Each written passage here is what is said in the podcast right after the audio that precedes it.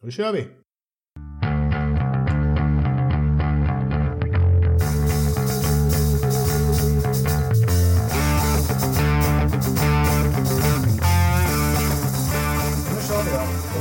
145 gången kör vi Forsa-podden med Dyredand, Lövström, Engelmark och Ridderstolpe. Välkomna! Tack så mycket. Tack. Tackar. Eh, vi börjar med lite ja, men, sorgliga och tråkiga besked från svensk motorsport där en, en stor profil ute på banorna har lämnat oss. Joakim, vill du berätta lite mer? Ja, eh, Elge Nilsson, speakermannen som har hörts och ekat ut över banorna i, i alla år i eh, flera klasser under, eh, under lång tid. Eh, har gått bort idag här, eller om det var gårdagen. Eh, jag hade förmånen att spika med honom en gång bara eh, och det var på Västkustloppet 2018 vill jag minnas. Eh, extremt trevligt, roligt att få eh, ha delat detta med honom. Eh, nu eh, delar jag ju speakerjobbet med hans son Thomas Nilsson och Alexander Graff då i STCC där, eller på tv. Eh, men jag har ett minne av LG när jag eh, liksom såg honom första gången efter att ha hört honom i högtalarna. Så satt jag i pressrummet och så kommer, kommer det in en man och har en otroligt bred skånsk dialekt. Um, och sen så följer jag med den här mannen ut och för jag såg att han har eh, mickryggsäcken på sig. Men jag får inte ihop det att gå ihop med LG och sen så när han då börjar prata i micken så skiftar han fullständigt dialekt till någon sorts rikssvenska skulle man väl kunna kalla det. Men eh, det var en häftig grej och en aha-upplevelse att han kunde gå från grötigaste skånskan till eh, en eh, klarare dialekt liksom. Mm. Eh, ja, rolig och varm man som vi saknar. Ja, man har väl förstått det när man läser på många olika svenska forum att verkar vara en otroligt omtänksam man och lite, lite knutpunkt i depån bland både förare, funktionärer, press, eh, ja, banpersonal och allting. Det, det är många som har minnen av honom att han var otroligt varm och omtänksam. Mm. Ja, det är ju. Och um, han kunde berätta stories, den mannen. Mm. Var väl, eh, får vi kalla honom för Sveriges Murray kanske? Ja, Mm, så, så pass. då får vi hoppas att de, ja, att de knyter an där uppe. Vill man eh, visa sitt deltagande, ni som är lyssnare här och kanske har några relationer överhuvudtaget med LG, så eh, familjen hänvisar till Hjärt och lungfonden och, och vi kommer lägga ut en länk på Facebook-sidan där eh, om man ja, på något vis vill ge en sista hälsning. Hjärt och lungfonden som sagt. Bra. Trist. Ja, tack för allt LG. Tack Ja. LG. Tack. Vi tackar. Vi tackar. Ska vi gå över lite till helgen då? Det har ju varit ganska mycket. Jag tänkte, jag har några rubriker jag skulle vilja ta först. Ni har säkert några rubriker ni själva vill fylla på med. Men det jag funderar på sedan igår. Det är rubrik nummer ett, stora svarta bokstäver. Verstappen, är han världsmästarmaterial? Frågetecken. Är det Expressen eller Aftonbladets rubrik? Här Forsa. Jaha, Forsa-poddens ed, Forsa-rubriken. edition Forsa, Forsa-podden. Vår, vår nya publikation. Ja. En annan eh, rubrik som jag tänker vi ska prata lite om det är, är det här med avgassensor. Ett något nytt sätt att få stopp på snabba andreförare. Okej. Ja, men då skulle de inte använt det på Bottas. Nej, det har du rätt i. Vi, vi pratar om det. eh, ja, men det och många andra saker. Sen har jag lite Indycar-rubriker också. Skruva på däck. Hur fan svårt ska det vara? Ja, det Det, kan man det här är bra sig. rubriker Jakob. Tror vi att vi kan använda dem i eh, F1 och Indycar-magasinet nästa år? Ja, men då har vi den andra. Helmut Marko, är han gammal, dum i huvudet eller är han bara bitter? Oj, ja, den är skitbra. Den, kan vi, den kör vi på ettan. Ja, den, den tycker jag också vi kör på ettan. Ja. Ja, men ska vi ge oss rakt in? Vi, vi, vi dissekerar väl allting, men det börjar med min första rubrik. Jag tänker kasta upp den till er. Verstappen, han sitter för första gången i en bil som vi tror kan vara med och fightas med VM. Eh, vi har varit med om något väldigt märkligt den här säsongen. Att de vi tror är VM-kombatanter har faktiskt mötts i närkamper på banan tre gånger på tre lopp. Det har jag aldrig varit med om så länge jag har följt Formel 1. Oftast är det två kombatanter men de möts aldrig riktigt på banan. Här har det varit konfrontation tre gånger av, av tre möjliga.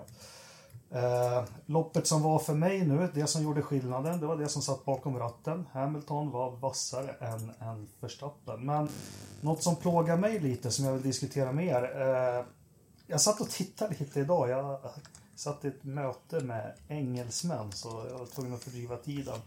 Eh. Bra, Max Verstappen, rimligt. vet, när vann han ett mästerskap senast? Ja du, det vet jag. Ja, det, Okej, det måste vara länge sedan. När var det, Anders? Ja, det var, äh, jag kommer faktiskt inte ihåg året som vanligt, men det var ju Euro Formula 3 va? Uh, var det inte någon sån här Sandford Champion? Ja, men det är ju F3, det är, det är F3, men det är, det, är, det är ju inget Championship egentligen, men, men visst. Ja, men det är sju, åtta år sedan i alla fall. Och det man ofta säger att det, det är en ung kille och så, men för tusan, han går in på sin sjunde säsong. Eh, och det är lite små missar här och där. Kanske inte så uppenbara som var eh, när han kom till Red Bull 2016 och 2017 när de hände i partiminut. Men det är många små missar. Eh, som de här vi som har följt sporten och sett ja, de stora mästarna. De gör inte de missarna så ofta. Håller ni med mig? Vilka Eh, missar är det du tänker på? Dra lite nu då. Det här med banmarkeringar, han åker utanför dem, det har ju faktiskt kostat honom ganska mycket eh, de tre första loppen. Jo. Jag tänker på en till i Bahrain där när han släppte tillbaks eh, Hamilton. Eh, hade han bara väntat och släppt tillbaks honom på ett bättre ställe så hade han kunnat utnyttja DRS-rakan där. Eh, och det är de här, men det är varenda ny säsong Verstappen kör så säger man att han har mognat och eh, gör mindre eller färre då rookie-misstag och så här, eh, vad ska man säga, icke genomtänkta eh, situationer. Eh, Men de finns ju kvar. Och är, är det att Hamilton är så polerad att han inte gör... Ja, nu gjorde han ju för sig ett misstag i Italien där, men... Mm. Ja, det gör han ju. Men det, det jag började tänka på direkt, jag jämförde honom bara rakt av med Hamilton. Han hade också sina gudbevars misstag. 2007, sin första säsong, han hamnade i grusfållan där i depån. Eh, det var lite 08, 09, 10 var det också lite sådär. Men som sagt, Verstappen är inne i sin sjunde säsong. Han kör sin sjätte säsong i... För det ska alla veta att Red Bull har varit en bil som har vunnit lopp varje år sedan han kom dit. Så det har inte varit någon katastrofbil på något vis. Och det här är inte menat som en kritik, men jag känner bara att jag tror inte att Verstappen kan sätta ihop en hel säsong när den är så jämn som den ser ut nu. Han skulle säkert klara av att vinna VM om han sitter i en överlägsen bil i en Merca, men när det är jämnt så här. Eh, ta det här, vi pratade om, var det något avsnitt från eh, Prost vann VM, eller förlorade VM med en halv poäng. Det kan varit den poängen han sumpade i sista kurvan nu sist. För snabbaste varv där ja. Ja, Ja. alltså jag dramatiserar men vi skulle ju snacka kvällstidning. Det kan ju faktiskt vara så. ja. Ja. Vad säger ni andra? Ja. Nej, ja, alltså, det, du, du har ju rätt i, så här, varje år så säger vi hela tiden att, att han har slipat sig och att han blir bättre. Och nu har det gått sju år sa du Jakob. Det, det, det är rätt många som inte får sju år i, i, i Formel 1 överhuvudtaget. Ehm, nu ska vi inte säga att Verstappen är en förare som, som vem som helst. Eh, han är bättre än, än de allra flesta. Det är han, men ja, du har ju faktiskt en poäng i så här, frågan. Är han, får han ihop en hel säsong eller inte? Ehm, att, han inte att han inte har vunnit något mästerskap på, på åtta år, har ju, det beror ju på att han har kört Formel 1 i sju år och, var, och började som en liten fjortis. Liksom, i, sådär. Men eh, ja, jag tror ju... Det är klart, han kommer vinna VM. Det kommer han att göra någon gång. Frågan är om han klarar av att göra det när det är så här tajt. Jag är, börjar också... Du sår tvivel, Jakob. Ja, Ja, Anders, men lite så. Ja. Ja. vet du vad jag brukar säga till hockeylagen jag tränar, Anders? Nej, låt höra. Winning is a habit. Ja, men så kan det vara. Definitivt. Nej, men eh, Max har ju vunnit lopp, men eh, det blir ju inget mästerskap av. Eh, alltså, han, han kanske vann Sandvort Masters eh, 2014. Det är ingen serie, det är ett lopp. Eh, jag, jag tror Alltså om, om inte jag är helt ute och cyklar så har han inte vunnit någon formelbilserie eh, förrän sen han gick upp till eh, sen han gick upp från, från karting eh, som han vann 2013. Så att, eh, men men, men jag, jag, kan inte ta gift på det, men, men där någonstans i alla fall. Eh, anledningen som jag tror att eh, Verstappen fortfarande har förtroendet hos eh, Red Bull eh, och ett väldigt stort förtroende och att de fortfarande tror på honom som en framtida världsmästare det är ju trots allt att han har bevisat att han kan skaka av sig de här misstagen och han gör färre och färre. Sen om det räcker gentemot Lewis Hamilton, det är ju egentligen en annan fråga. Tycker jag. Därför att eh, om, vem, om han hade gått upp mot vem som helst annars så hade han eh, definitivt vunnit ett VM. Hade han, hade han setat i den här bilen och Lewis inte hade varit där så hade han vunnit ett VM. Det är fullkomligt övertygad om. Han är världsmästarmaterial ut i fingerspetsarna. Men det är väl klart att visst kan det sås lite tvivel när det händer som det gjorde nu då till exempel och han eh, blir av med både snabbaste varv och vad det nu var för någonting. Han blir eh, liksom lite nedtryckt och man, man, märker verkligen att de är lite, vad ska man kalla det? Du har ju lite någonting om, med, med vår gode vän Enögingen sen. Han, hela stallet är på tårna, eller vad ska jag säga, nerverna utanpå snarare. De tycker inte det är roligt. Det var ju lite intervjuer med, nu inte Helmut, utan med eh, Christ, eh, Christian, Christian Horner. under loppet. Jag tyckte det genomsyrar lite när han brukar annars vara ganska lugn. Äh, vi får se, det är coolt ungefär. Liksom. Men eh, jag tyckte mig på något sätt höra att han var inte heller helt nöjd med, med hur bra Lewis är. Ja, att, eh, man ska inte dra för stor grej på det här. Jag sa att han har inte vunnit i, i eh, när han har kört racerbil. Uh, har han ju inte vunnit något mästerskap. Men vad fan, han började köra Formel 1 när han var 12 år så det är väl kanske mm. inte så, så typ. enkelt. Men ändå så är det, vi pratar om Linus Lundqvist, vi, vi pratar om andra liksom. Ja, vi har Hamilton, han, tog sitt, han hade vunnit F2 och ett F3-mästerskap. Jag tror att man, man bygger upp den här habiten, en vana att göra liksom man lär sig fast en, en lägre klass. Vilka misstag får jag absolut inte göra? Vad händer under en säsong och så? Håller ni med mig i det? Ja, ja, jo, absolut, det, det gör jag. Men jag hoppar över på en andra. Vi kan vända på det en grej där till varför Hamilton är så framgångsrik och så flerfaldig världsmästare. Och det har man ju sagt, ja, ja, det är för att han sitter i Mercan. Men det är ju inte bara det, utan det är för hans, eh, att han har den säkerheten och polerade formen som då Verstappen inte besitter tror jag. Ja, det är den, den, den högsta, så, högsta lägsta nivån som, som Hamilton ja. har är ju, mm. är ju fantastisk. Ja, ja inte, nog, inte nog med att den är väldigt hög, en hög lägstanivå, han höjer den hela tiden. Mm. Och visst, det kommer ett och annat bottennapp, men de är inte många och ofta så lyckas han reparera det, inte i nästa lopp, utan han reparerar dem i samma lopp. Exakt, så. exakt så.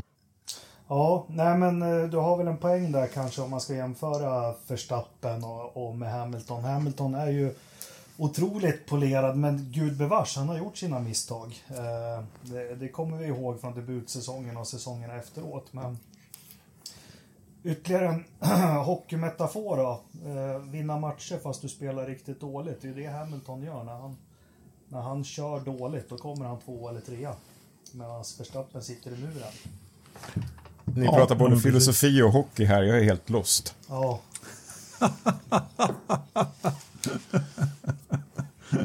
det är måste vara jobbigt. Ja. Vi lider inte med dig, Dyrland. Nej, det ska ni inte göra. Nej. Nej. Ja, men, men ska vi gå in lite på loppet då? Ehm, och, och, och titta på topp fyra först då, om vi börjar där tror jag. Eh, och vad som hände med dem genom loppet. För mig så var ju det här en seger som tillskrivs den ja, föraren. Det är lätt att säga att bästa bilen, bla bla bla hej och hå. Så har det varit många år i Formel 1. Men här, här var det verkligen föraren som gjorde skillnad tycker jag. Och det man glömmer i ett lopp som en del tycker var tråkigt, det var ju att Hamilton körde faktiskt förbi fyra bilar. Mm. Han var tvungen att köra om Bottas, han var tvungen att köra om Hamilton, eller Verstappen. Sen så körde han ju om, nu var ju det en omkörning som bara skulle göras med Perez, men ändå så gjorde han det. Och Eh, jag vet inte, det såg enkelt ut, men han är för jäkla duktig Hamilton. Eller vad säger du, Joakim? Alltså, eh, ja. Eh, om man tittar kliniskt på prestationen så var den ju bra. Men det som gör att loppet inte upplevdes som spektakulärt var ju att eh, det var just väldigt kliniskt utfört allting. Eh, allt gick enligt planer och bla bla bla i det mesta. Eh, jag hade liksom laddat järnet för det här. Bjudit hem en kompis och vi kunde sitta på covidavstånd utomhus och grillade med frun och allting. Och sen så stod jag där och grillade och kollade och sen så bara... Mm, nej, nej. Det var liksom inte den här totala GP-upphetsningen som man brukar känna. Ja, vad kände du då, Ridderstolpe? Ja, vad kände jag? Nej, men det, det var ju, det, jag tyckte att eh, Lewis hade alldeles jättebra koll på läget mest hela tiden. Eh, faktiskt. Det, jag var inte riktigt orolig. Sen vet jag inte. Eh, ja, han körde om sina tre största konkurrenter till eh, titeln, men det, det kändes ändå inte riktigt som den här jättelika bedriften ändå. Bedriften är att eh, köra... Bedriften är max, de andra två var ingen bedrift. Det var lite tråkigt att Verstappen, den var ju, det var ju liksom parkeringsomkörning där. Med liksom 100 år gamla däck, så det var inte riktigt intressant. Det swishade ju till på startraken. Perez Ja, förlåt, sa jag något annat? Ja, det sa jag säkert. Men, men det kändes ändå inte... Det kändes ganska under kontroll eh, från, från Lewis eh, ganska mycket. Tycker jag. Så det kändes inte jättespännande. Va, va, har du några tankar, herr Löfström?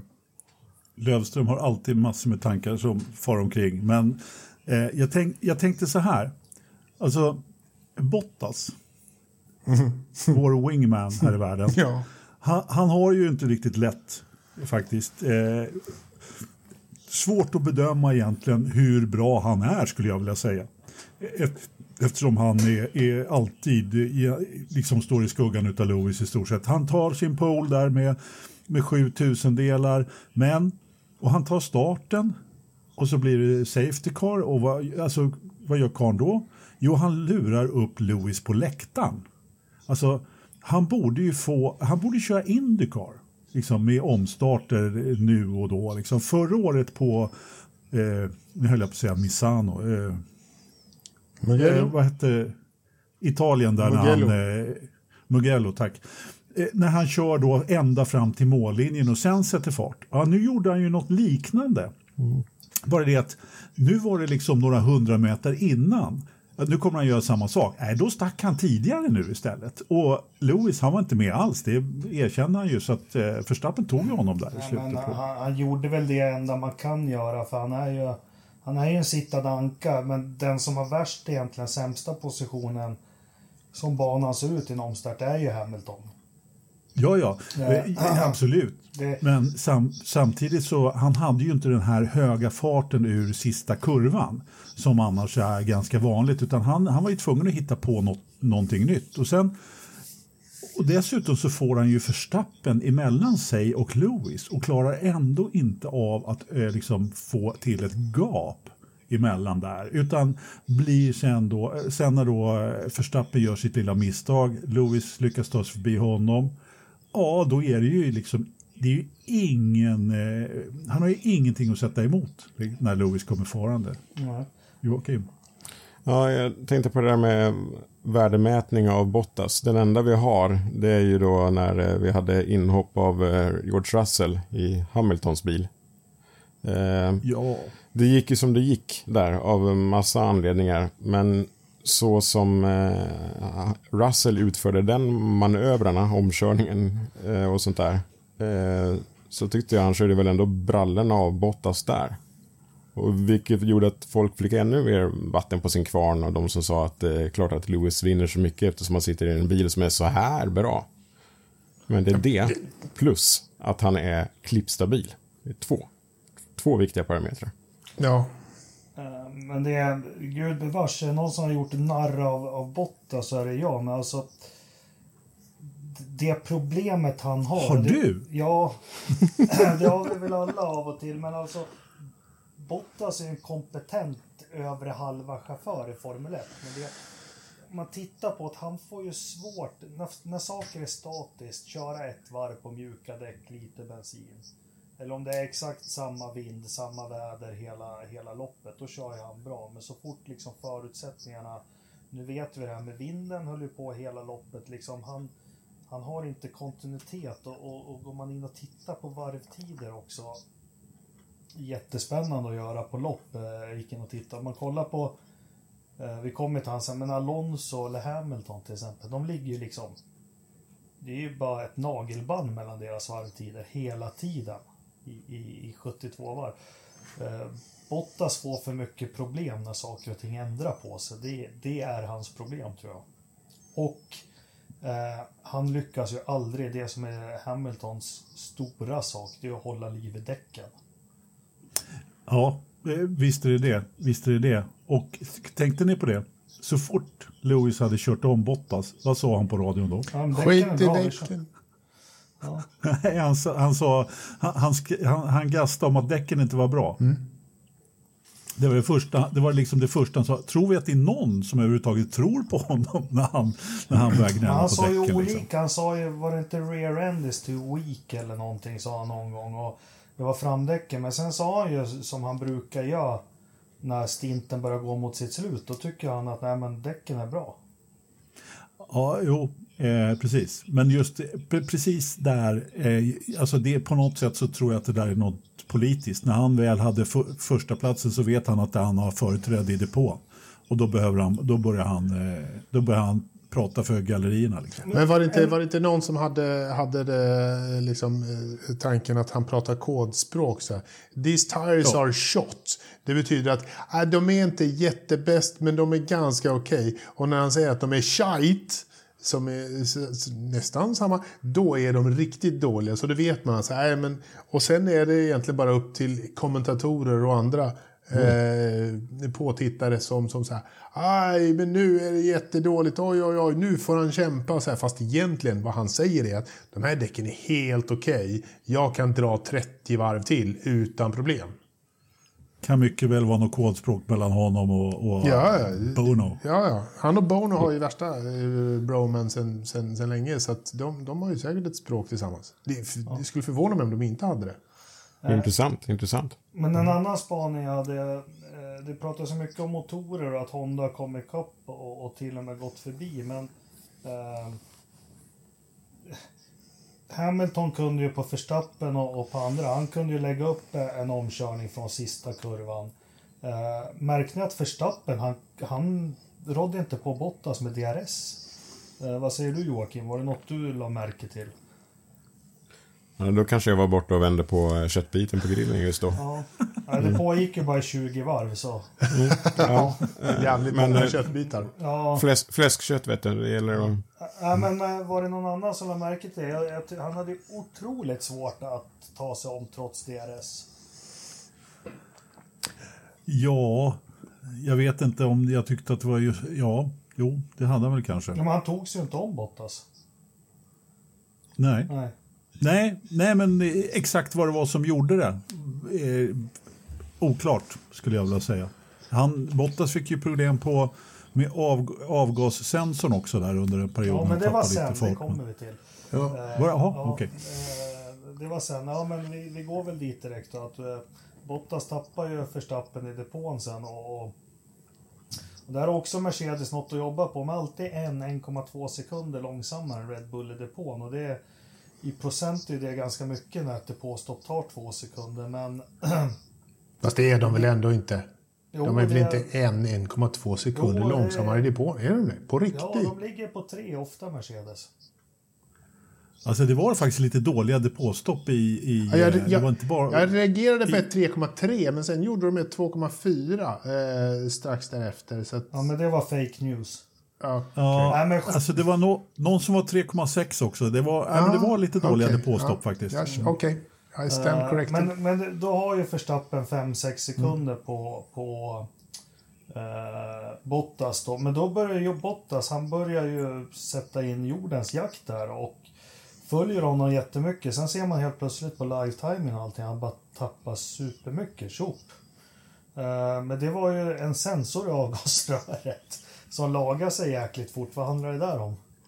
Jag vet inte, men var det inte det, var det, inte det som var den där sensorn som, som gjorde att de fick eh, plocka sönder hela bilen?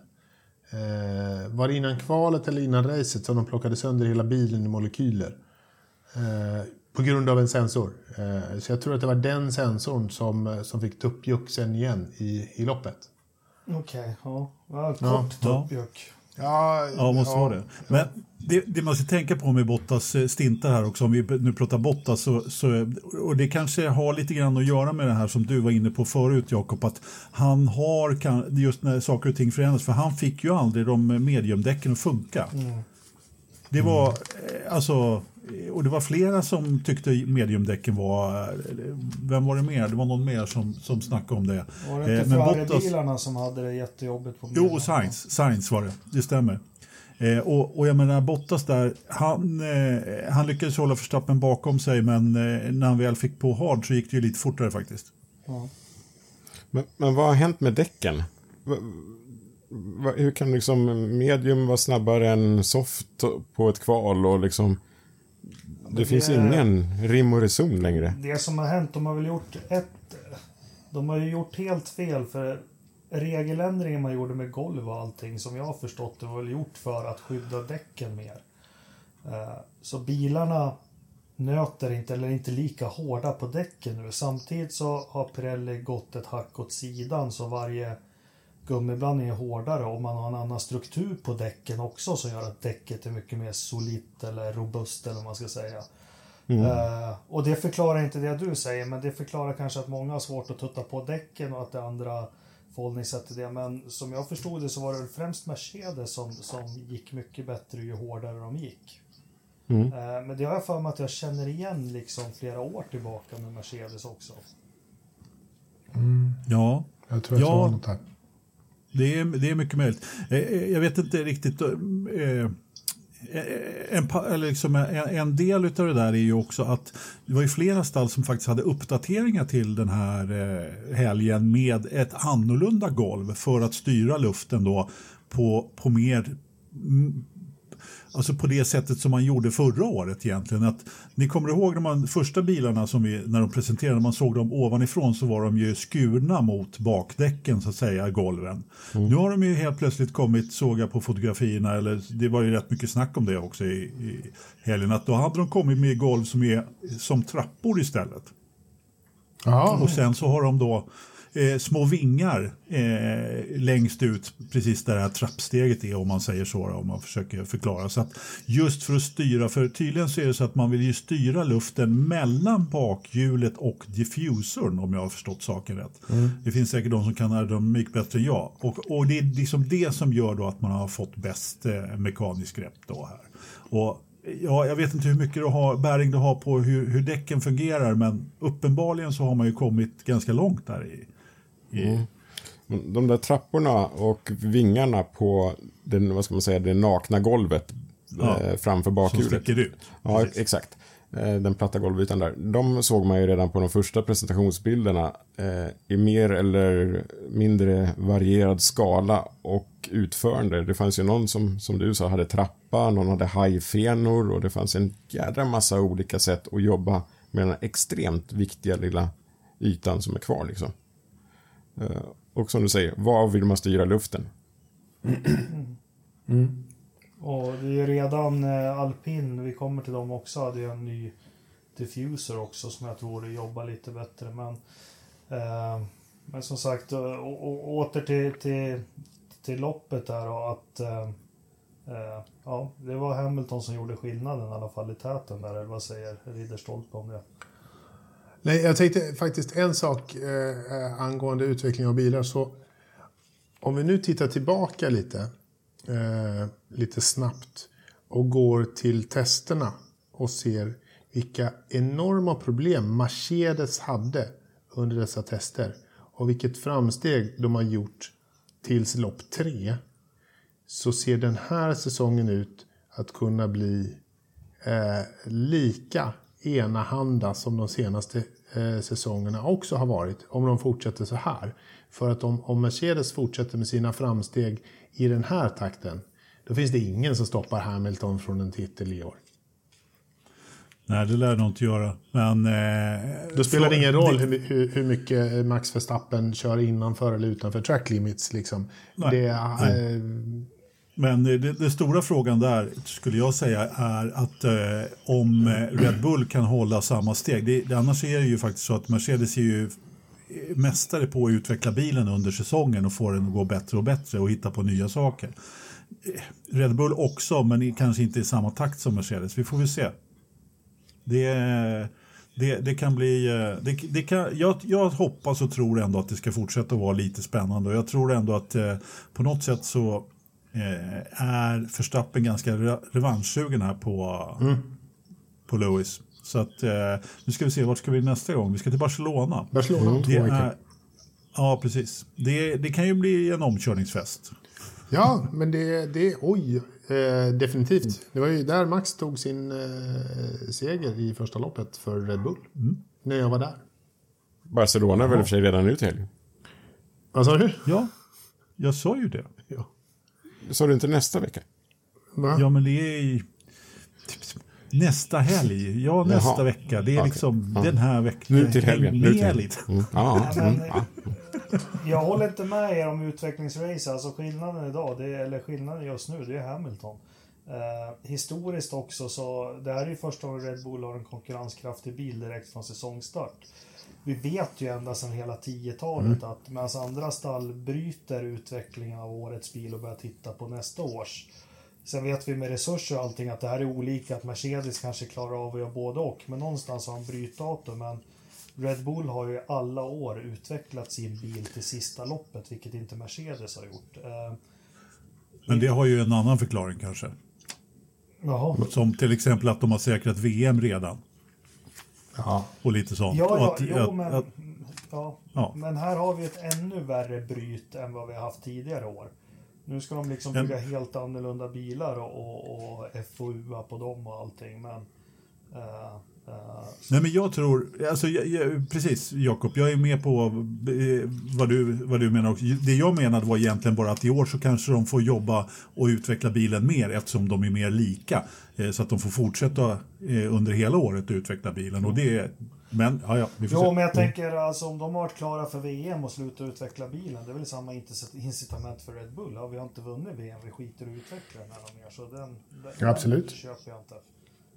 Ja, fast de har ju velat vinna lopp då och komma igen. Och dessutom så har det ju inte varit några större vet eh, regeländringar. Vilket beror på att då har man ju fortsatt att utveckla på den plattformen. Så de har nu jobbat lite olika skulle jag säga.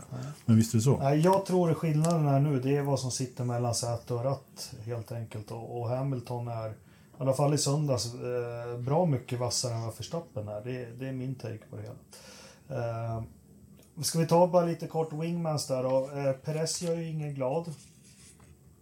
Perez Nej. hade, Vadå? Perez hade ett jävligt otacksamt eh, uppdrag i, i helgen. Han, eh, han fick ju bara sitta och, och nöta varv eftersom han kom upp i ledning. Och sen så lämnade hon, de honom där för att han eventuellt skulle möjligtvis kanske, kanske kunna sinka eh, Hamilton med en sekund på, på ett varv. Vilket var eh, liksom ett mission impossible redan från början. För det skulle, Hamilton är för smart för det och han tog honom på start och målrakan. Jag, Ja, han kom ju, han kom ju fyra. Eh, Ja. Det gjorde varken Albon eller... Eh, jag har till och med glömt vad han hette nu. Nej men Ja men kom Det är fyra, Gasly, ja, alltså, precis. de ska, ju- det, det är väl skit i samma om de kommer fyra. Det tror jag Helmut och, och Christian skiter fullständigt i. Alltså ett sånt här lopp idag, eller i söndags. Drömscenario det är att Verstappen tar ledningen eller Bottas tar ledningen, Verstappen tvåa och så, så ska han ha hjälp av Perez mot de där bilarna. De skiter väl i om han, det var ju därför de satt han på den där långstinten. De skiter väl om han kommer fyra eller åtta. Han måste ju hjälpa, alltså Verstappen var helt själv mot två Mersor. Eh, de måste ha upp en förare där. Ja, jag vet inte, jag tror inte de skiter riktigt i det. Det finns ju ett eh, annat VM att tänka på också, men visst. Ja, men så länge han, han kommer blev... fyra kan de ju skita i det VM när Bottas kommer tvåa, trea och Hamilton vinner. Ja, fast de känner ju Bottas. De vet att han kommer ju inte alltid två, Nej. tre. Nej. Men, eh, så, så det kommer ju ett podium där förr eller senare, så, så är det ju. Men eh, nu ska vi se, vem var det som smet förbi eh, Perez i... Eh, det var Norris va, som ja. smet förbi honom ja. I inledningen där. Mm. Det är väl en bra åsnebrygga till att komma in på förare som gör skillnad i ett annat stall också. Ja, jag tänkte vi går över. Har vi något kvar? Eh, ja, men kul med ändå lite fight och så. Som jag sa inledningsvis, vi har ju ett historiskt liksom, VM när de de går ju i närkamp mot varandra tre lopp på raken. Det har vi Säg någon gång vi har varit med om det. När titelkombatanterna varken har, har gjort det. Uh, på det viset. Nej, det är möjligen McLaren-dagarna för Prost och Senna i så fall. Mm. Ska vi... Det är du som är kalenderbitare Jakob, så det är du som får säga när det är. Det är också, om man kollar på Prost och Senna, de låg aldrig lika varandra på banan nästan. Var ytterst Kanske de inte gjorde. Mm. Eh, ska vi gå ner och titta på mittfältet, eller fältet, eller vad vi ska kalla det där, som är ganska jämnt. Och, eh, eh, vi, hade, vi spekulerade ju lite på lördagen där efter kvalet. Jag var orolig för Norris, det fanns det ingen anledning att vara. Men han var orolig själv. Han eh, var väldigt ledsen på både fredag och lördag han inte hade någon pace. Men eh, som du sa Anders, han, han gör ju skillnad. Vill du utveckla det lite? Ja, det kan jag gärna göra. Eller utveckla. Eh, han, han har ju på något sätt så jag såg någon lista på hur många poäng han hade tagit på de tre inledande loppen i tre år. Och det är ju en uppåtgående trend som heter duga minst sagt. Han har, ju, han har ju bara fått ett enormt självförtroende och verkar ha riktigt, riktigt bra fart i den där bilen. Allt han gör är ju bra. Ja, och, och liksom det som framförallt du Jakob kanske har kritiserat honom för förut, att han har varit lite mesig och inte tagit för sig ordentligt defensivt och så vidare. Nu är han ju tuff på banan hela tiden och inte bara på sista varvet som det var här några gånger förut. Han har varit eh, liksom eh, eh, nästan osynlig i loppen. Nej, men riktigt kul att se faktiskt. Vad händer i den andra McLaren då, Joakim? ja, eh, undrar om de saknar Science. jag vet inte vad Ricciardo... Eh, hans leende kanske inte kommer vara sådär brett och vitt och härligt så länge till. Eh, alltså... Eh, vi har ju pratat om trenden med eh, storförare som byter stall och har eh, svårigheter. Och eh, nu är det tydligt att han har ju till och med större problem än, än Vettel egentligen. Eh, I Aston Martinen. med utgången av det här racet. Jag, jag, kan inte förklara det. Jag har inte sett någon djuplodande intervju med honom heller, men han är inte med liksom. Nej, men han, eh, han skriker högt efter att han tror inte att hans problem kommer lösa sig förrän det kommer uppdateringar. Och Ridderstolpe, det är väl inte... Ska man inte ta problemen där de är istället för att hoppas på vad som komma skall? Ja, det är, det är, ju, det är ju lite dåliga undanflykter, eh, eller sådär. Eh, ja, Fan alltså, jag gillar ju eh, Ricciardo. Det, det, är ju hela världen gillar ju Ricciardo egentligen. Eh, innerst inne så tycker man ju att han är en bra förare som är värd eh, all framgång han får. Och att det är liksom, ja det är svårt att byta bil, det sitter väldigt, och han, säger, han har väl sagt det själv någon gång också, det sitter djupare i ryggmärgen än vad man kan tro. Det här med liksom broms och gas och ratt och allt det där. Men det finns ju fler som har bytt bil och efter tre lopp har de ju kommit igång. Eh, liksom. Så att det, det är väl helt klart dags att eh, börja visa lite. Annars blir, annars blir det tråkigt på riktigt att heta Daniel Ricciardo. Ja, men han, han var ju ändå på gång lite grann igår, eller i, i loppet. Han var ju inte, han var inte helt borta. Han körde ju trots allt upp sig till en poängplats. Det hade ju naturligtvis kunnat sett betydligt bättre ut, men, men det var ju ändå, eh, alltså i mitten på loppet där när han hade fri, friluft så körde han ändå, det var bra varvtider. Han var inte långt bakom Norris där, men, men sen räckte det ju inte riktigt. Han fick ju lite mer problem på slutet där, men, men eh, eh, om man, man, ska jämföra med andra wingmen så det känns ändå som att han är lite på G. Eh, kvalet var ju en fullständig katastrof där då, men, men lite på G skulle jag säga. Men kallar vi, kallar vi ärligt talat, kallar vi Ricciardo wingman? i det här nu. Ja, det var Jakob som började, skyll inte på mig. Ja, vad konstigt det blev. Ja. Det blir Dålig stämning, jag har aldrig Det blir lite märkligt. Det går över till de andra wingmansen sa du förut, men du kanske refererat något annat, Ja, jag det kanske missförstod dig. det. Nej, det- Ja, Nej, precis. men, Det var eh, Perez. Eh, Vi kan väl greppa halmstrån och så att han körde upp sig från 16 till 9 plats men det måste vara otroligt Mm. pressande.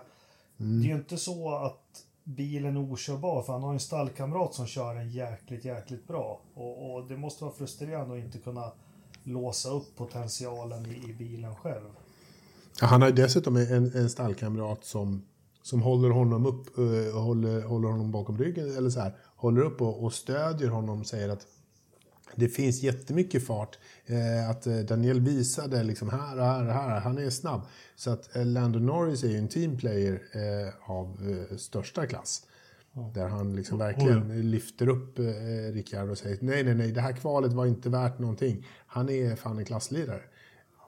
Ja. Så att, eh, Jag tror att eh, Ricardo kommer att hitta nyckeln till den där bilen inom kort. Sen om man Ja, tror Norris är en annan sak. Han säger ju själv att eh, problemet är hjulupphängningen, fjädringen. Eh, bilen är orolig, han låser bakvagnen för mycket inbromsningar. Det är, eh, ja, det är hans problem. Men Norris fan, kör, alla- eh, ja. Norris kör ju med lite Hamilton-taktik där och eh, hylla bil och eh, den andra föraren när man ändå är på topp själv. Då kan man Ja. kosta på sig och liksom smeka medhårs i, i teamet. Eller så kan man göra som Alonso och säga att det är den bästa som man någonsin har kört mot. Eller? Den bästa förare jag någonsin varit med. Den här Lance Mm. Stroll, fy satan vad bra han är. Mm. Är det sagt också? Nej, men vi får väl hoppas att det, det vänder för Ricciardo då, för vi, det är precis som jag sa där med, med vi vill ha...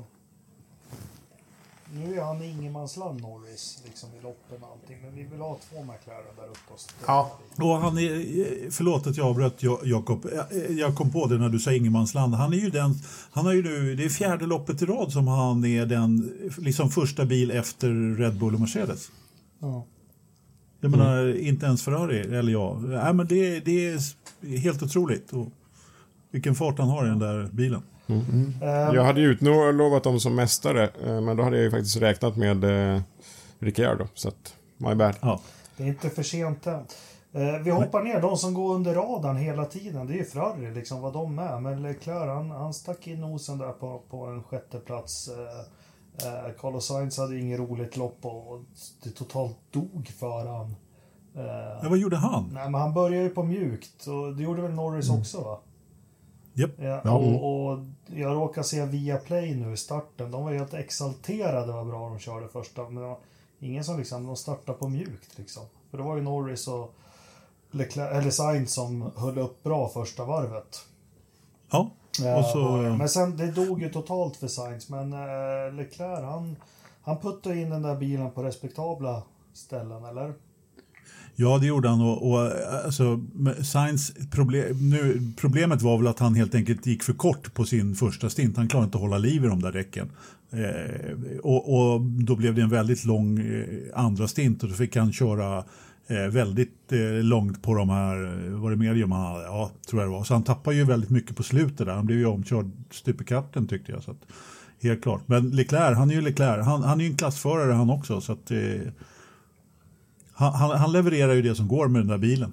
Eh, sen gjorde ju han ett dåligt kval då, så att, eh, hade han legat lite högre upp så hade vi kanske haft en fight med Norris, jag vet inte. Eller så gjorde han ett kval som, som visar lite grann mer vad de är och också har de, de kanske har en bil som är mera, mera byggd för, för race än för kval. Alltså jag tycker de gör ett helt okej, jag tycker att Ferrari gör ett helt okej eh, år än så länge utifrån hur det har sett ut i två år nu. Så, så är det stora kliv framåt eh, som jag gillar. Och det, det tycker jag de gör bra. De, de, har, någonting, de har någonting bra på gång. I, Men i Leclerc, alltså Sainz, Sainz kvalar ju femma. Hade, hade, hade Leclerc kvalat f- lika bra som Sainz så hade han ju, då hade han ju varit där. Ja, ja, om de hade varit där i, i grupp, ja. Ja. Men, visst har de gjort framsteg i år, men hur kan Ferrari vara så här anonyma att man nästan glömmer dem? Det är helt otroligt. Ja, de, är inte ens, de gör inte ens några italienska dumheter. De liksom bara Nej. helt... Det, de- det de- tycker jag i och för sig är jävligt bra, att de inte gör italienska dumheter än så länge. Det kommer, jag lovar. Det är fortfarande Ferrari vi pratar om. Så att det kommer att komma några konstiga strategival, liksom tre lopp i rad eller fem. Men ja, jo, anonyma. Du har Mm, rätt jättekonstigt. Det, vi, sa, vi sa redan det här när vi kollade försäsongstesten där. Bara, "Ah, vad Ferrari, ja just det. De var tvungna att måla grönt på bilen bara för att synas överhuvudtaget i år. Så mediokra är de. Ja, ja. Ja, men då vi hoppar neråt till andra latinos då, alpin. Ehm, det var väl det enda i min analys som, som kanske stämde hyfsat eh, bra. Alpin som gick in med lite uppdateringar har upptäckt, som alla andra gör, att de hade haft ett fel i vindtunneln som de nu har rättat till. Eh, dåligt kval av Alonso, bra kval av Ocon. Eh, inte för att jag är Alonso-fan. Ett superlopp av Alonso. Alltså superlopp och ett bra lopp av Ocon. Vad säger Ridderstolpe? Jag tycker Alonso eh, gör ett helt eh, fantastiskt lopp. Och jag eh, börjar tro att den här bilen eh, kan bli bra på riktigt.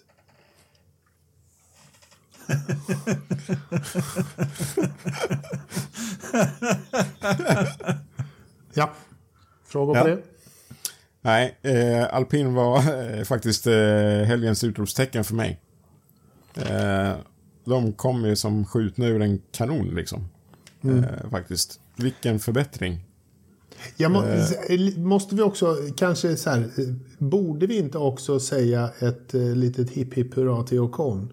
För helt plötsligt det så, så, så visade han faktiskt varför han är i Formel 1. Det har tagit ett tag att, göra det. Men, Mm. men han, han körde väl ändå rätt bra i söndags. Kan man säga någonting annat? Nej, det var från klarhet till klarhet det där. Han körde bra, eh, kontrollerat och bra. Sen har han ju hårfäste som en jävla Mon Chichi, som där jag hade när jag var liten. Var det någon mer än jag som hade en Mon Chichi? Nej, men Ja. det, det, dina Ja, hårpluggar kan vi ta en är det. annan gång. Nej, Men vad, säger, vad, vad tänkte du säga om, om Ocon då, Anders? Vi lämnar Jo, håret. jag tänkte säga så här. Att jag tycker han förbleknar helt. Jag är noll Alon- Alonso-fan. Jag tycker gubbfan skulle ha stannat hemma. Ja. Och eh, cyklat eller gjort någonting annat. Men här visar ju han vilken förare han är och varför han sitter i den där bilen och varför de har ringt in fanskapet. Så har det väl dessutom bäst betalt i F1 efter Lewis förmodligen. Jag menar Ocon, jag skulle vilja hylla honom att han gör, han gör för det första ett bra kval. Jag tror att Alonso hade, eh, det var någon track limits där på någon centimeter som gjorde att han, eh, så att han inte fick sitt kval, varv godkänt. Eh, Men alltså, kom igen. Alltså, han, riktigt, han, han kör in på eh, liksom kloss rygg på sin stallkamrat i, i stort sett. Vad hade kunnat hända? Nu ska vi inte prata om om och om här, men, men jag menar, låt säga att han hade Låt säga i Barcelona där han för det första är hans hemmabana och där han kanske kvalar lite bättre då. Vad kan hända där? Och om de nu har fått så bra ordning på vindtunneln i en stund då. Ridderstolpe, vad tror du om Barcelona?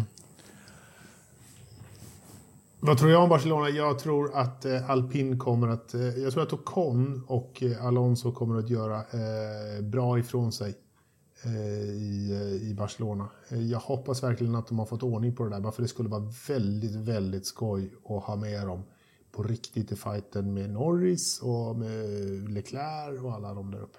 Det, de är på gång och det, jag tror att det kan bli riktigt bra. Mm. Samma här. Ja. Jag tänkte gå vidare. Vi hade ju varit ett litet hipp hipp hurra, eller vad sa vi, för Fettel. Eh, Men Aston Mm. Martin-bilarna var ju ingenstans och Fettel hade ju inget tempo alls. Jag vet inte om han var lite störd av en dålig strategi, men det var ingen fart alls i dem. Vad, vad kan vi hoppas på där framöver, Anders?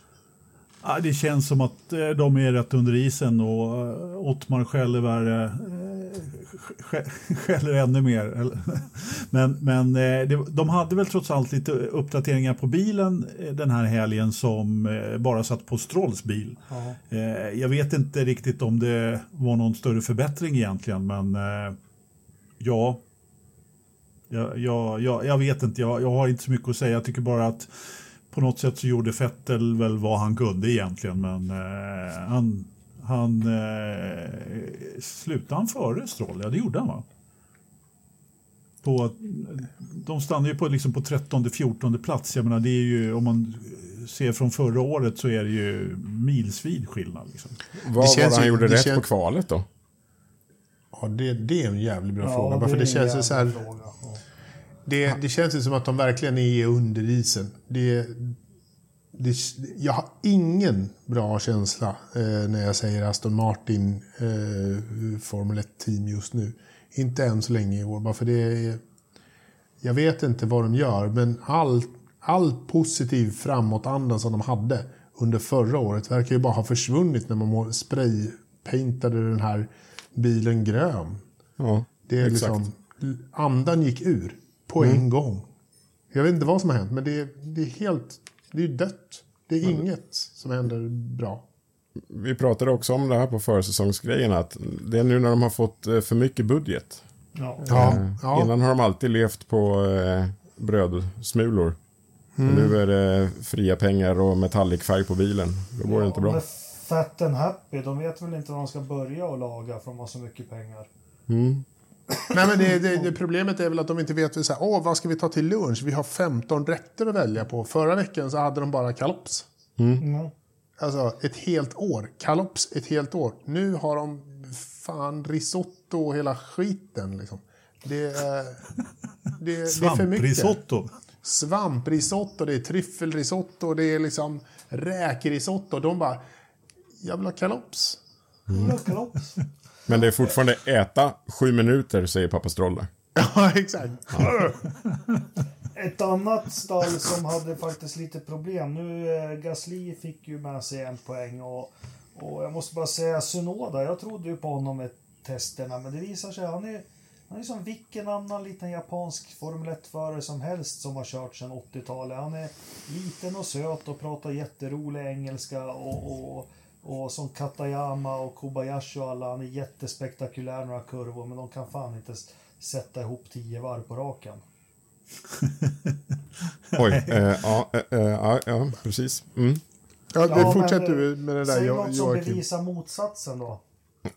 Nej, alltså det, det kom ut lite konstigt bara känner jag. Eh, ja, förlåt. Men eh, jag förstår ändå hur du tänker lite.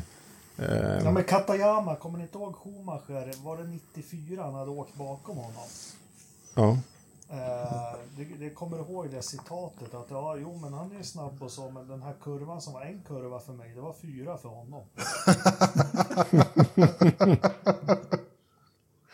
ja, mm. ja. Eh, lite så. Nej men jag tror ändå vi måste ge Sunoda några lopp till faktiskt. Ja, eh, det finns... Säsonger, för fan.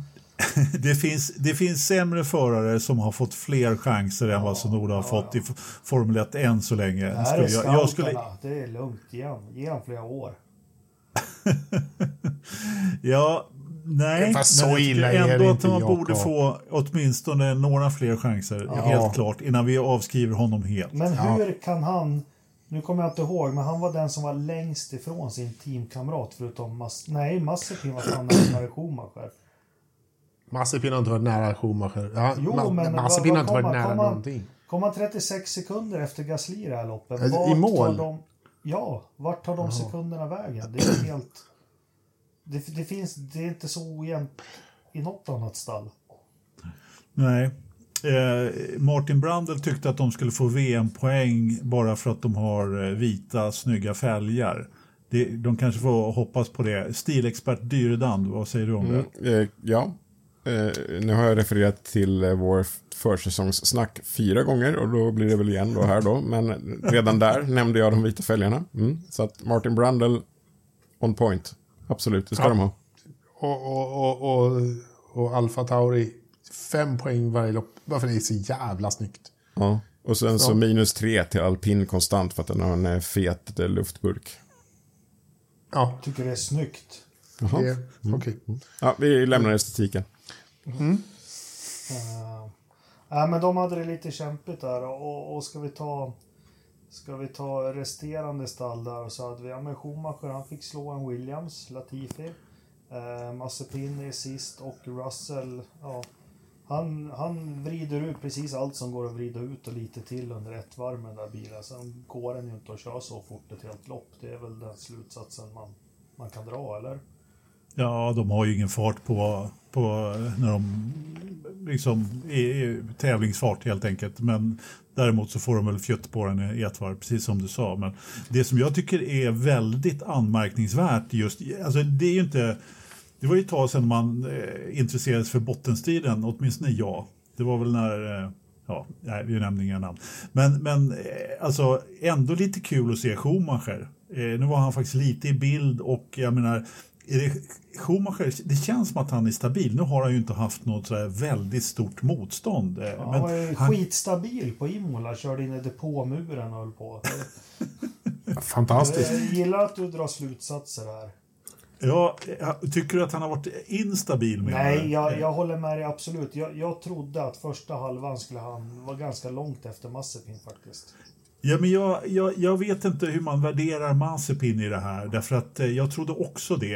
Eller åtminstone att de skulle vara lite jämnare, definitivt. Men Schumacher kör faktiskt i åttor kring Mazepin. Och eh, dessutom så klipper han ju Latifi här då ja. i, eh, i loppet. Och jag menar, Alltså det ska han egentligen inte kunna göra. Är Latifis, alltså jag har ju sagt det här flera gånger att jag trodde mer på Latifi faktiskt.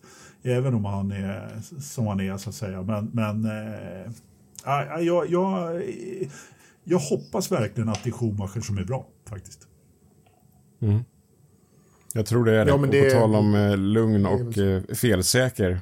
Lyssna på radiotrafiken som eh, Mick Schumacher får när han åker in i depåmuren där på, Italien.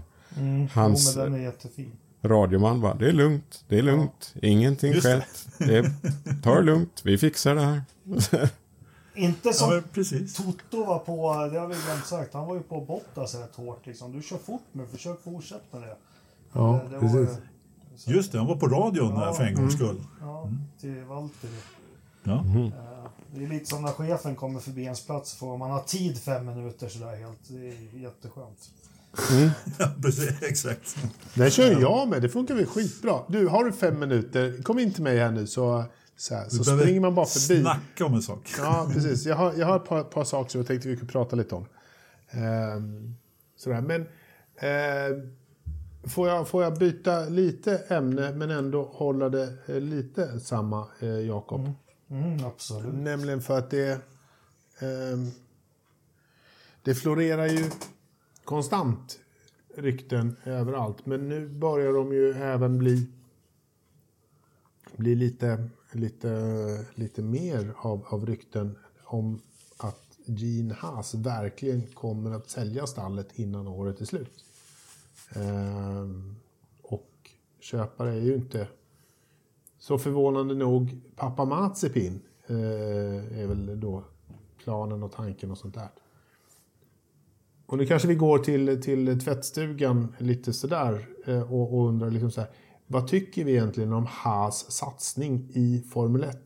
Har han varit helhjärtad? Har det varit liksom på riktigt? Ger han upp för lätt? Eller vad är egentligen liksom frågan när han nu har haft ett par år där det inte har gått toppenbra? Men de har ju gjort det annorlunda från början, vilket vi ja. har pratat om tror jag för länge sedan på ett uppfriskande och när de kom in mm. 2016 eh, ja, men köpa mycket färdiga delar, inte så mycket overhead kan man säga så, stallet. Mm. Eh, jag tror alla anställda kan namnet på varandra där. Eh, och det gick ju bra till en början, sen har de ju gått fel här, vad är det, 2019, 20 och 21 här. Eh, jag har aldrig förstått vad hans syften med det här stallet har varit. Uh, det har... Sälja såna här svarvar eller? Ja, jag tror ja. ja. ja. Helt, helt, klart, han vill bli, det står ju liksom HAS F1 på deras agent i Sverige på bilarna till exempel. Så att de har ju använt HAS för att, eh, för att marknadsföra de här verktygen som man gör i, i Europa helt klart. Men eh, jag tycker att eh, den, eller den diskussionen, jag tänker inte säga någonting förrän stallet är sålt. Jag tycker Varför det? Att, Ja, men det är väl ingen idé att sitta och spekulera i... Anders i, tänker lägga ett litet bud. Han har en liten slant över. Han vill ju inte Ja, men dra eller hur? kursen på något vis. Det låter lite så liksom att det, jag vill inte prata om det här för jag har liksom en stake i Mazepin AB. Nej, men jag vill inte att Mazepin ska köpa, så att jag, det är förnekelse kanske. Eller så. Ja. Men, eh, ja.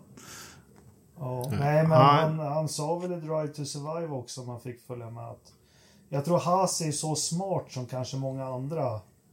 Eh, ja, men märker han att det blir lite röda siffror lite för lång tid, då, då skiter han i det.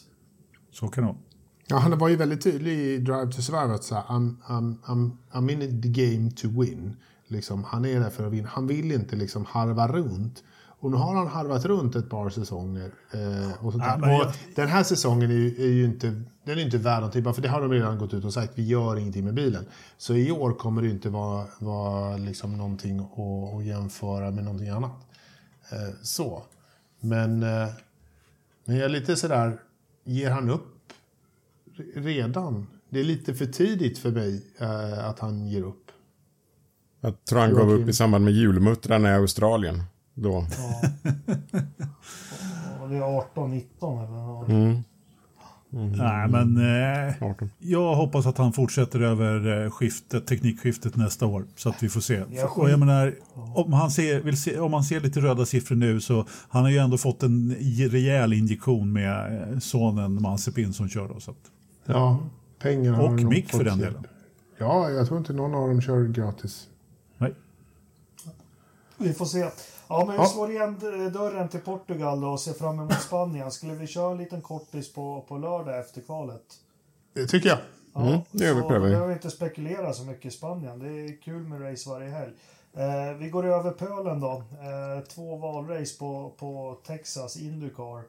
Eh, alltså jag är supertrött på Indycar alltså. Jag tycker jag har tappat allt den spänning och det. Jag vet inte om det är för att det sabbas för svenskarna eller varför. Jag tycker det är det är en gärdsgårdsserie jämfört med Formel 1 och då måste de liksom kunna piffa upp det med någonting annat. Bra racing, bra lopp eller precis vad som helst. Men nej, nu har det varit alla lopp som har varit piss och skit tycker jag. Vad säger, eh, vad säger Ridderstolpe?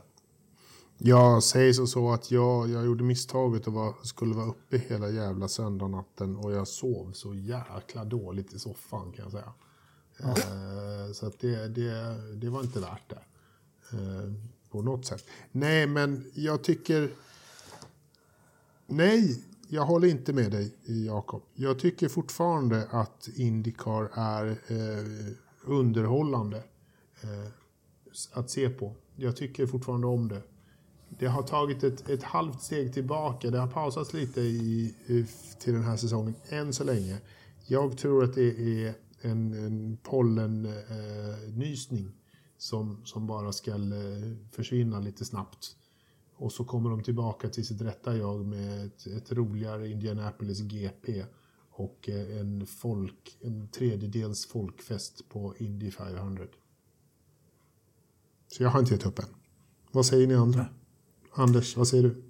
Jag säger att eh, det Texas Motor Speedway är en pip skitbana. Jag tänker aldrig mer sitta uppe och se ett lopp på denna jäkla bana. Den är jättetråkig, jättetrist och det går bara att köra i ett spår och svenskar de tappar hjul och kraschar där och nej, jag vill inte se något mer lopp på den där jäkla banan Ja, överhuvudtaget. jag har faktiskt en fråga om den där banan. Varför det här som de snackade om att det är Nascar-gummi, kunde de inte göra någonting åt det? Alltså hur svårt är det och, och Varför det var ju svart på, på typ halva, eh, så här, 75% av kurvan var ju svart av annat gummi. Eh, Nej, det är inte gummi, men, eh, men visst. Det, är- alltså, det körs ju väldigt mycket, om det körs, det läggs ju gummi i, i backen där, så efter, efter tre varv när de har kört så, så är det ju, ja då blir det bara ett spår liksom. Det är, eftersom det blir för halkigt där uppe. Ja. Och det är, det är en av grejerna som gör att det är ju väldigt trist. Det, det blir ju, alltså ska man köra om, ja men då gör man som Felix då på Hinchcliffe och tar luften på framvingen och han var inte riktigt med, eller med, han, han, han lyckades inte hålla, hålla kvar bilen så han kraschar helt enkelt. Mm. En helt omvänd omkörning på, mot förra året då när Felix råkade ut för samma sak. Jo, men precis. Det... Jag tycker att eh, Texas är lite som eh, Monaco, fast den går i cirklar och jävligt fort. Istället för eh, höger-vänster långsamt. Eh, det är bara att följa John liksom. Ja, men det, alla sa ju det också så här. Åh, men det här är racing i tre varv. Sen blir det för mycket skit på, på sidan om så det går inte att köra. Då blir det single file racing. Nej, men sen oh. dessutom så var det ju lite lotteri, precis som du skrev Joakim när vi pratade lite grann där. Eh, och, och, att man öppnade på där på något i första loppet eh, så att Dixon fortsatt skulle ha ledningen. Liksom. Eh, det känns som ett, där kan vi snacka om gärdsgårdsserie därför att där tar de ju vissa beslut lite hipp som happ. Känns det som. Verkligen. Depåöppningsstrategin där, den är ungefär som eh, när man har det här med kurvlimits i F1, fast tio resor värre. Här är det liksom är det re reklam så väntar vi med depån. Ja, eller, ja, exakt. Det känns, finns ingen logik någonstans. Men det, det styrs ju av NBC. NBCs reklamtider styr ju depåöppningen. Det vet ja. vi Ja. Wow. Ja, ja men, och, och dessutom, det är som producenten dessutom. Det, det, är liksom, det är ju ingen ordning. Nu hade de inte ens eh, Jimmy Johnson att fokusera på. Liksom, så att då hoppar de runt eh, i fältet som helt ovidkommande. Nu tittar vi till Joakim. Ja, en sista grej i sågningen av eh, Nascar. Vad utvecklar teamen? Stötdämpare. Indycar. Indycar. Vi, vi pratar Indycar. Nascar, Nascar kan vi sa, såga vid ja, Men det var för att vi pratade om gummit där. Indycar. Ja, ja. förlåt. Det var mitt fel. Nämn aldrig mer Indycar, äh, gummit där från Nascar. Äh, Indycar utvecklar stötdämpare. Och stötdämparna sitter uppenbarligen vid hjulen. Och vad händer? De drar sönder hjulnav och grejer. Allt som har med stötdämpningen att göra. Hjulbelastningar och påfrestningar på hjulen. Vad är det som skälpte bort en och annan förare? Mm. Ja. Visste de inte ja. att det var påfrestningar på höger bak här? Nej, det var helt ah. nytt. Ja. Ja, ja det känns ju rätt märkligt. Ja, men, eh, Colton Hurta då åkte ju dit på en sån där i första loppet då. Och eh, uppenbarligen så var det ju någonting som gjorde att man inte fick på Marcus däck eh, heller. Eh, sen om det var, liksom, men, men, precis som du säger, jag menar, de har ju kört på den här banan förut. Varför händer det vissa bara? Eh, det känns ja, jättemärkligt. Vad fan, det räcker nu med strul i det. Ja, jag orkar inte. Ja, ja men det där depåstrulet. Ja, det får vara liksom nu. Alltså Nej. det här depåstrulet som har varit, det, det är ju också helt sanslöst. Om, man, alltså, om, om, vi, om vi tar bort eh, Marcus och hans eh, klappklantiga depåpersonal. Eh, Okej, okay, man får ge dem lite grann då det här med däckstrulet på höger bak. Det var ju fler som hade, men de har ju inte riktigt varit de snabbaste i depån annars heller. Eh, han, jag vet inte hur många platser han tappade när han, innan de tappade däcket där i, i, i depåstoppet. Men kolla på, om man tittar på Felix på Texas.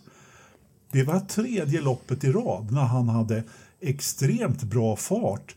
Eh, så i, han låg ju tvåa och Marcus låg femma då innan det där eh, depåstoppet i första loppet.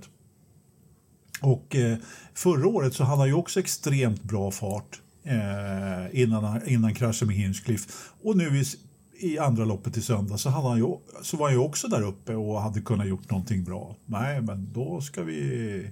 Jag, jag, jag är så upprörd så jag till och med glömt vad som hände honom där. Ja, vad men säger vi kan du då Joakim om, om Indycar? Jag som sågare, som sport och, och allting då, är ensam här?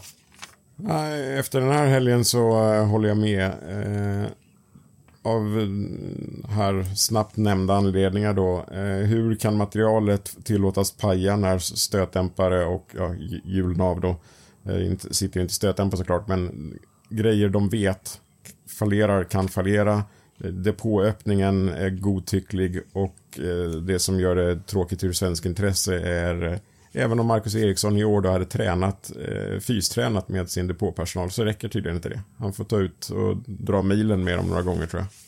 Men det är för fan, ja, det är inte så att de ska göra ett 1,8 depåstopp som Red Bull. De har ju för fan 35 sekunder på sig att skruva på av och på det där däcket känns det som. Ja, de är ju några färre men, men, men ja, ja. det är liksom, de är ju inte jättestressade för tankningen liksom fördröjer ju. Uh, det, ja, nej, vi, vi diskuterar inte ens. Men, men sen som du sa det här med att det pajar höger bak och så. Det var... Uh, nu är ju inte yta allting. Vi är ju så bortskämda med europeisk racing. Men har ni sett den här filmen när Linus Lundqvist drar en rundvandring av sitt stall? Mm. Mm. Ja, det är liksom som någon Vedbo modell större. Ja. Ja, men det känns inte så här shit, här bygger de säkra racerbilar och, och kollar Nej. upp allt. Nej, nej, det, är- det, är- det är en väldigt, väldigt basic verkstad Ja, på, för, Ja, ute på landet. Förra racet så stod de och tejpade ihop bilarna utomhus när de eh, var i depån där. Vem var det som hade skrotat och skulle gå och åka ut igen då? Ja, Felix. Nej. För förra året, eller förra året, då var det mycket gaffatejp då. Ja, men var, var inte, är det inte Sato som körde med, med silvertejp eh, och sådär? Ja, Fantastiskt. men eh, visst är det så att det är, det är helt klart annorlunda från... Eh, men, men, eh, ah, ja, men Ja, de, men det de ska, ska kunna... vara annorlunda. Det, ska, Ja. det är ju det, det, är ju det man blev förälskad i, om vi säger kanske i mitten på 90-talet eller början när Formel 1 var förutsägbart. Nu när Felix liksom och Marcus började, det var några bra race här. Och Indycar måste erbjuda det för att liksom kanske få oss europeer att fastna för det här. Det kan inte bli de här tradiga racing, eh, eller racen som det är.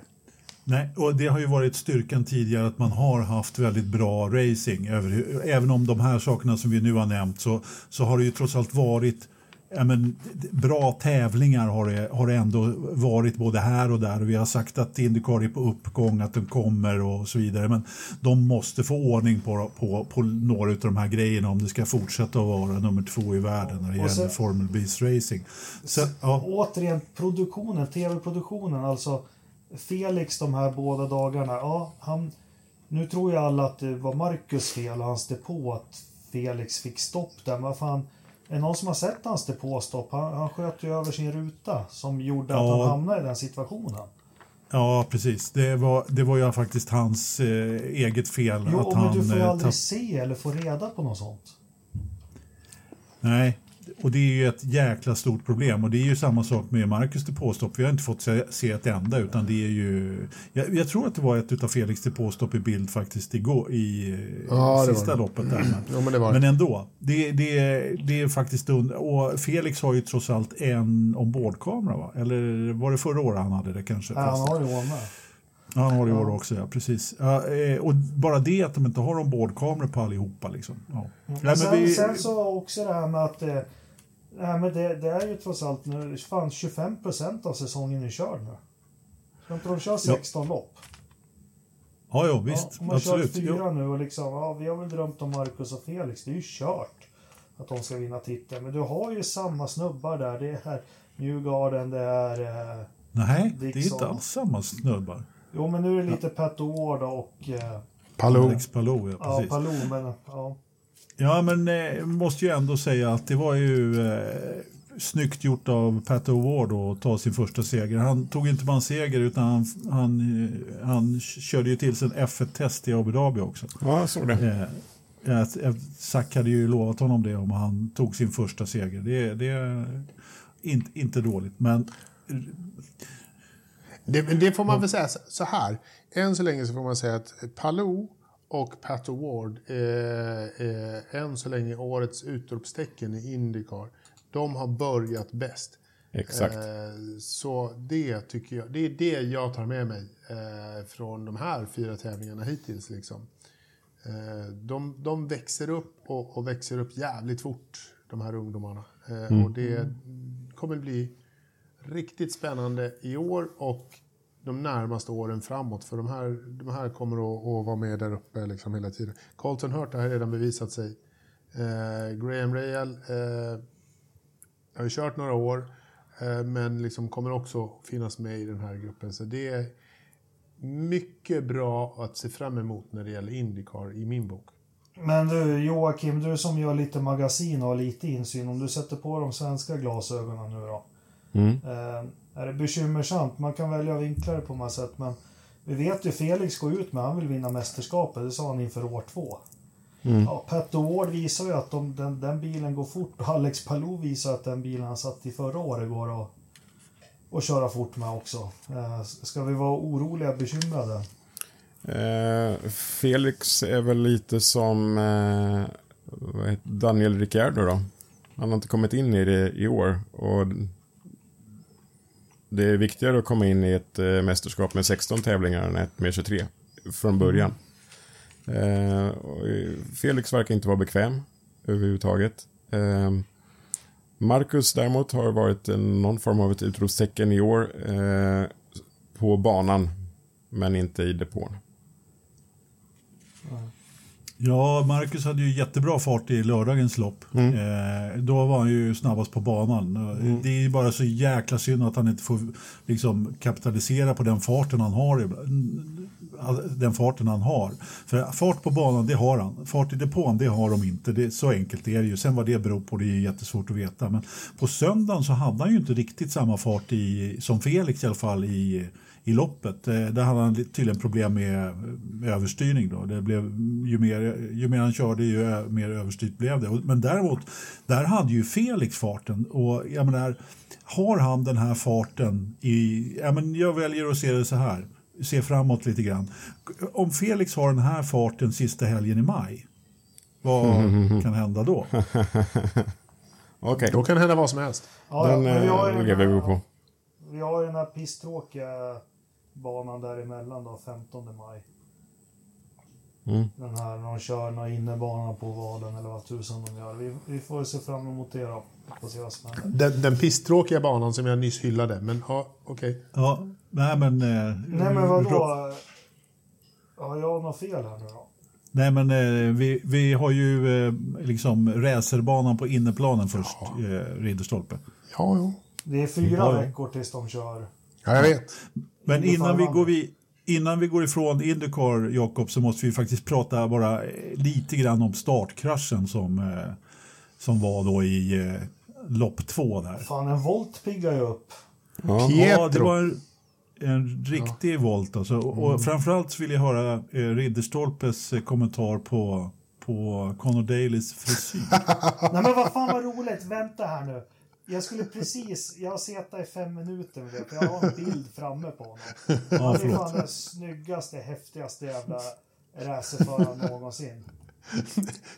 eh, Conor Daly, han, nej, ja förlåt, Jakob, eller jo, Joakim, ta ja, eh, Vår eh, kompispodd kan vi kalla dem, Indiepodden. Ja. Eh, hade ju en intervju med honom som eh, vi la ut på AMS Instagram. Och så taggade jag Conor Daly i inlägget. Eh, ja. Och så svarade han själv på Instagram bara. Jag har ingen aning om vad det står, men jag delar det här inlägget och så delar han det.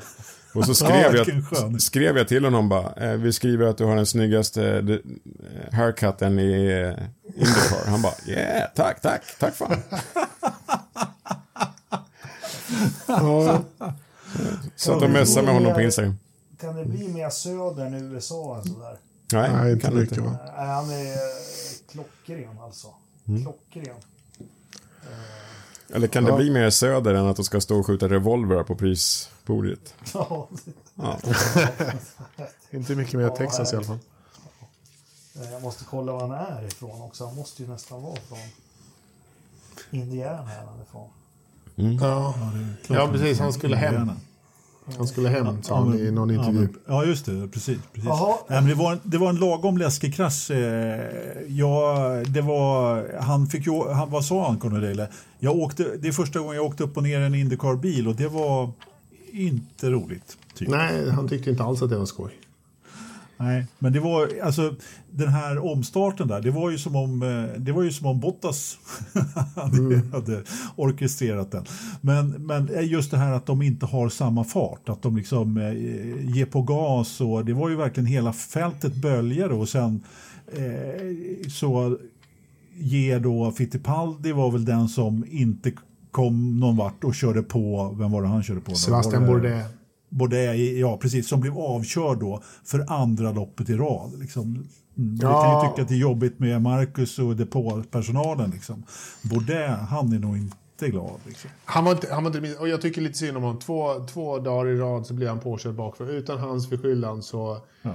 så, så kraschar han två dagar i rad. I ett eh, litet stall med, med liksom inte världens största ekonomiska muskler. Eh, sådär. Så att det, det var jobbigt för AJ Foyt och eh, Sebastian Bourdais. Tyvärr. Men, men. Shit happens. Move on. Shit Lite happens. Vi, vi stänger dörren om racen som har varit i helgen. Vi har en punkt. Vi har ju tvättstugan där vi renar vår smutsiga byk. eh, vad tycker vi om track limits? Eh, nödvändiga säger jag. Ja, nödvändiga säger jag också. Det, eh, annars så blir det flygplats i Frankrike där du kör precis överallt som på Kota, ett Indycar-lopp på Kota. Där Jaha. flyger det bin försvann ut överallt. nästa vecka där. Ja, det. men ungefär. Det kommer bli så. Så att vi behöver ha track limits just därför. Jocke, Nej. Ja, förlåt. Eh, befriande med banor där det är eh, grus, tycker jag. ja. Utanför klassiska banor. Eh, jag vill ha mer sånt på kalendern. Jag vill ha mindre Paul Ricard. ja. Anders? Ja, men det är klart, jag håller med där. Men det är klart man får... Eh, jag skulle också hellre vilja ha bara, bara gamla Hockenheim och sådär med samfåller precis utanför banan. Men nu, nu har vi inte det, utan nu har vi parkeringsplatser att köra på. Men eh, jag är faktiskt... Jag, tycker, jag är så trött på trött på diskussion eller på snacket om track limits överhuvudtaget. Jag, jag, jag är beredd att... Jag tycker de kan skrota skiten så får det bli som när de skrotar dem på Kota med Indycar. Nej, men på riktigt. Ja, men alltså, det är det här. Nu när vi har banorna som vi har, då måste vi... Ja, precis. Men jag spelar basket. I fotboll... Har du? Ja, men det, det är linjer på en basketplan. Du får inte springa utanför den. Då blåser domaren av. Ja, men bollen så- får vara så- utanför. Ja, bollen ja, men du får inte. Du får väl ha huvud utanför vita linjen, men inte fyra hjul. Ja. Längdhopp, du har en jävla bräda där. Du måste hoppa innan den. Annars så räknas inte. Och jag förstår inte, det, det är liksom, ha den här vita linjen som går överallt. Nej, men, Ja, här, men det, det, är exakt, det är exakt just det som är problemet, eh, Jakob. En racerförare fattar inte reglerna. Så här, jag håller med dig till 110 procent. Det är helt rätt. Det är så här, jag ritar en bana här, håll dig innanför den eh, och kör så snabbt du bara kan från A till B. Liksom så. Här. så. Eh, men håll dig innanför linjen. Liksom, annars, så, annars, så har du, annars så blåser vi av. Och så får du eh, ett straff för det. Nej, jag vill köra här. Nej. Ja, men det är inte ens fråga om bedömning som en jävla frispark i det- fotboll, utan det är liksom en vit det- linje, fyra hjul innanför. Eller? Ja, det är skitlätt. Det är liksom, jag håller med. Det är värdelös diskussion. Ja. Anders, Joakim. Ja. nej, men Joakim har ju, har, vill prata. Ja, det var det jag menade innan med eh, sandfållor och sånt. Track limits Ja, är ja. givetvis en annan sak. Men kan de inte... eh, Jag vill ha ännu mer sand närmare. Där det är de här frågorna om det är track limits eller inte. Där ska sanden vara. Då blir det Ja, ingen absolut. diskussion.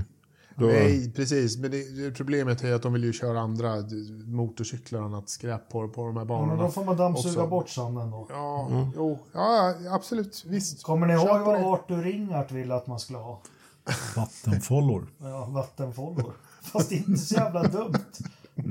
Han, han, fan, han har något på gång kommer där. ut av en sån där blonk så ser, ser vi Max Verstappen bara så här, trilla ner med två, två vänsterhjulen liksom, eh, ner, ner i vattnet och så kör han Ja, men på kanten. precis. Då hade ju Pedro Diniz drunknat när han åkte upp och ner där på Europas GP. Ja, Ja, just ja, när störtbågen gav vika. Ja, precis. När den fastnade i dräneringen. Där. Var det inte Damon Hill som sa det i någon podd så apropå sluta, det var hans sista säsong. Fan, nu är det dags att sluta när jag nästan hade ihjäl Denise här. Jo, jo, just det. Just det. Ja, det känns inget bra. Ja, ja, Anders, såg du någon väck på spa? Nej, det var alldeles för lite faktiskt. Det har varit lite körigt i helgen. Eh, men men eh, jag vet inte, var det någon annan som såg? Ja, just det, det var ju månadsslut. Då skulle väl bankböckerna räknas ihop. jag hade inte tid. Alltid. Nej, precis. Eh, Nej, men, nej, men eh, det var ju nya hy hypercar där. De hade, ju- var ju rädda för att eh, LMP2 skulle ta, vara snabbare, men det var de inte. Så att det var en Jotte Hoita som vann med Hartley, Böhm och Naka- Nakaimi till slut. Jag Så såg tyvärr inte. Man kanske ska youtuba och titta lite. Det är spännande att se de, de bilarna Ja. faktiskt. Ja, hon är fina. Ja, okej. Eh, ja. Joakim, Ja. har vi några nyheter om STCC? Ja, vi har väldigt mycket. Det var ju tester idag. Eh, och eh, säsongen är igång eh, med det då. Och det är gött. Eh, vem tror ni toppar? Nej, det här, ni kan inte sitta och gissa här. Jag kan gå igenom Nej. listan lite snabbt från dagens tester på din Knutstorp då. Oliver Söderström i topp för Leicester Racing. Följd av eh, då eh, regerande mästare Rob Huff i samma team. Och på tredje plats Mattias Andersson, inte i en Honda som alltid eller under lång tid utan numera i en Lincoln Co. 03. Oj. Det är ni. Ja. Och Fjärde vad plats. då är Honda under lång tid? Han har ju kört Alfa så länge jag kommer skulle ihåg. jag sätta ihop honom med. Fast han kanske har kört Honda ett par, ett par år Det är nu. ju Ja. Ubbe Berg som kör Honda. Han är inte med längre. Gubbe alltså. Nej. Ja, vi, har, vi har lite olika eh, tidsramar på STCC ni och jag. Där. De kör inte med Super Touring-bilar längre heller. Nej, nej, nej. Nej, Nej. skämt åsido. Nej, men eh, jag vet att Mattias kört Alfa mycket, men, eller Honda mycket på slutet, men jag associerar honom faktiskt med Alfa. Ja, jo, det gör man ju också. Det är sant. Eh, På fjärde plats eh, Mikaela Olin Kotlinski. Och eh, följd av eh, åter eh, in i eh, TCR STCC-reglementet och Hugo Nerman kommer tillbaks. Eh, Aha. Sen har vi Mikael Karlsson som byter till Leicester Racing Team. Sen har vi då eh, Adde Ahlberg och Robert Dahlgren först på en åttonde plats då. Eh, mm. Albin Wernerlöv följer honom och sen så står det Tobias Brink i två bilar där.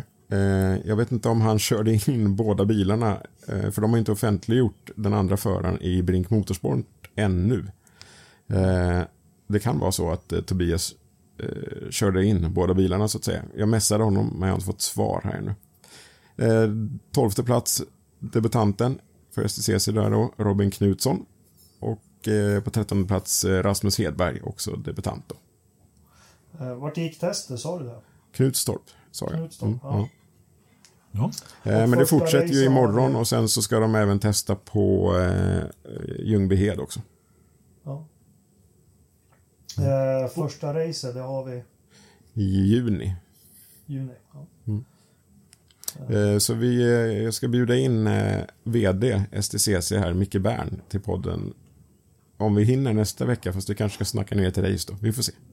ja, spännande. Sätta Vi kan göra en honom. extra STCC-podd kanske. Ja, Kan vi göra. Ja, en STCC special. Jag drömmer om ett STCC i fornstora dagar. mm, det gör vi alla. Mm. Colchiago kommer tillbaks. Ja, precis. Nej, men, det har vi sagt förut också, men även, jag hade kompis, de var inte det minsta, men det var liksom tradition att åka ner till Mantorp. Avslutningen och kolla. Det liksom var som att gå på bandyfinalen. Ja. Det, ja. ja, häftigt. Har vi någon förstappen? Ja.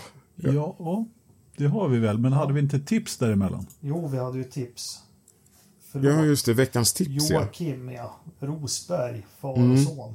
Just det. För Eh, de jag, som inte har sett det. jag hade någon eh, vag eh, kväll här när jag hade ischias ont, så då låg jag och plöjde YouTube som vanligt. Och eh, hittade den, den har legat uppe i flera år på YouTube. Men sök på Kekke och Nico Rosberg så kommer de upp i ett samtal. Det första, Kekke är ju inte så där media eh, omkring sig direkt. Men för första gången så sitter han och pratar tillsammans med Nico om eh, sina respektive titlar och sånt där. Och det finns även en film som kommer upp i samband med den här och när de kör sina mästarbilar där nere i Monaco.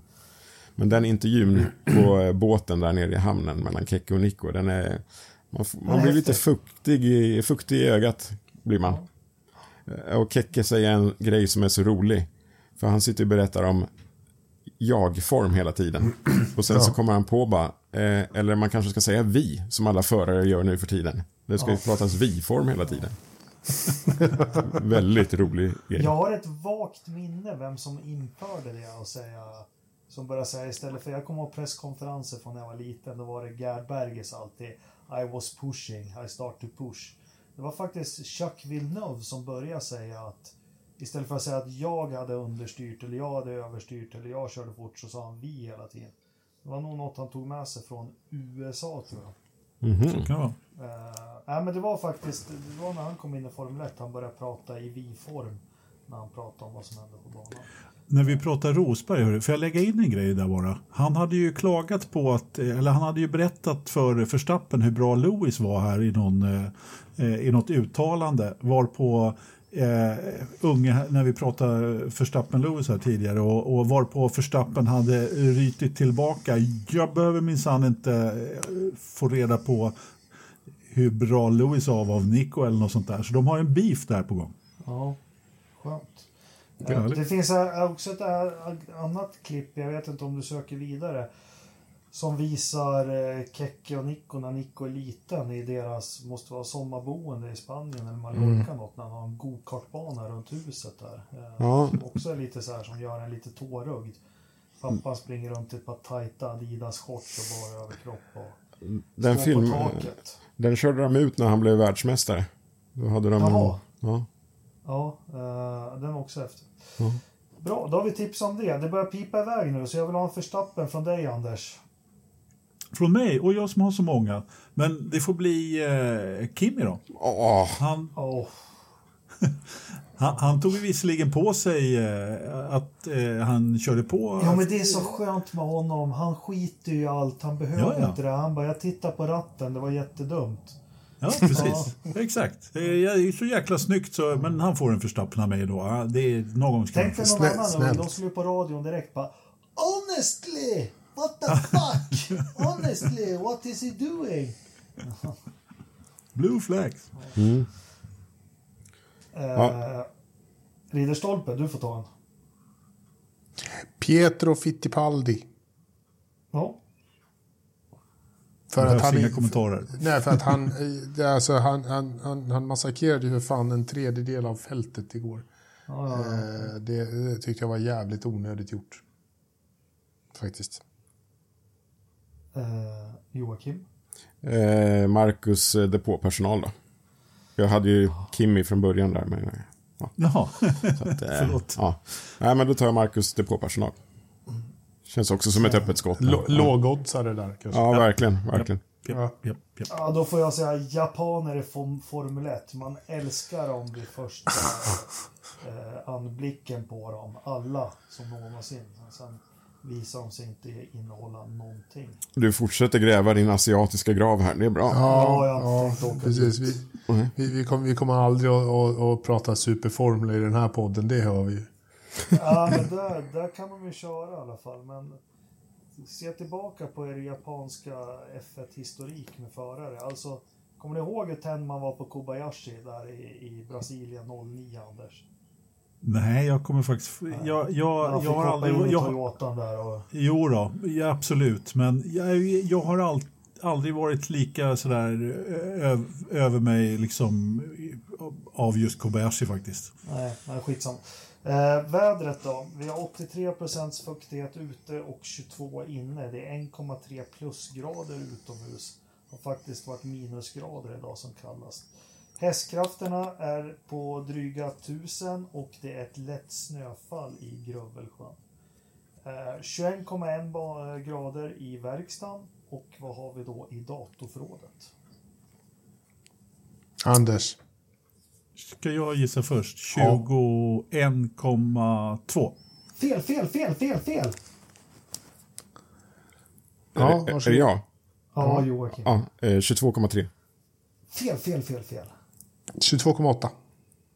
Fel. Det har börjat pipa iväg. Det är 24,1 grader. Oj, Nej. jävlar! Ja, På riktigt.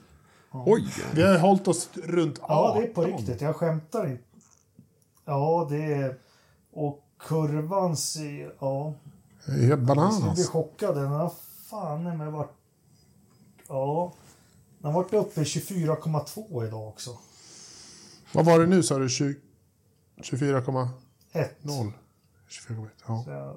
Ja, det är nästan mot, på, på varvstoppet alltså. Ja, Ja, ja, nej, eh, ja, precis. Gå in på Tausero och så drar ni upp diagrammet där. Både på, och man ser också eh, månadsdiagrammet. Det ser ut som en jävla hockeyklubba alltså. Det ser inget bra ut alls. Så nej, det där. Du, Anders, du får undersöka. Jag ska göra det. Fågelbordet.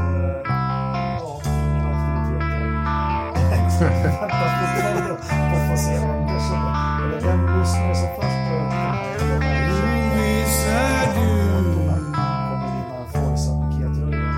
en. Bra! Ängslan förtvivlan Jag kommer Dimmansängder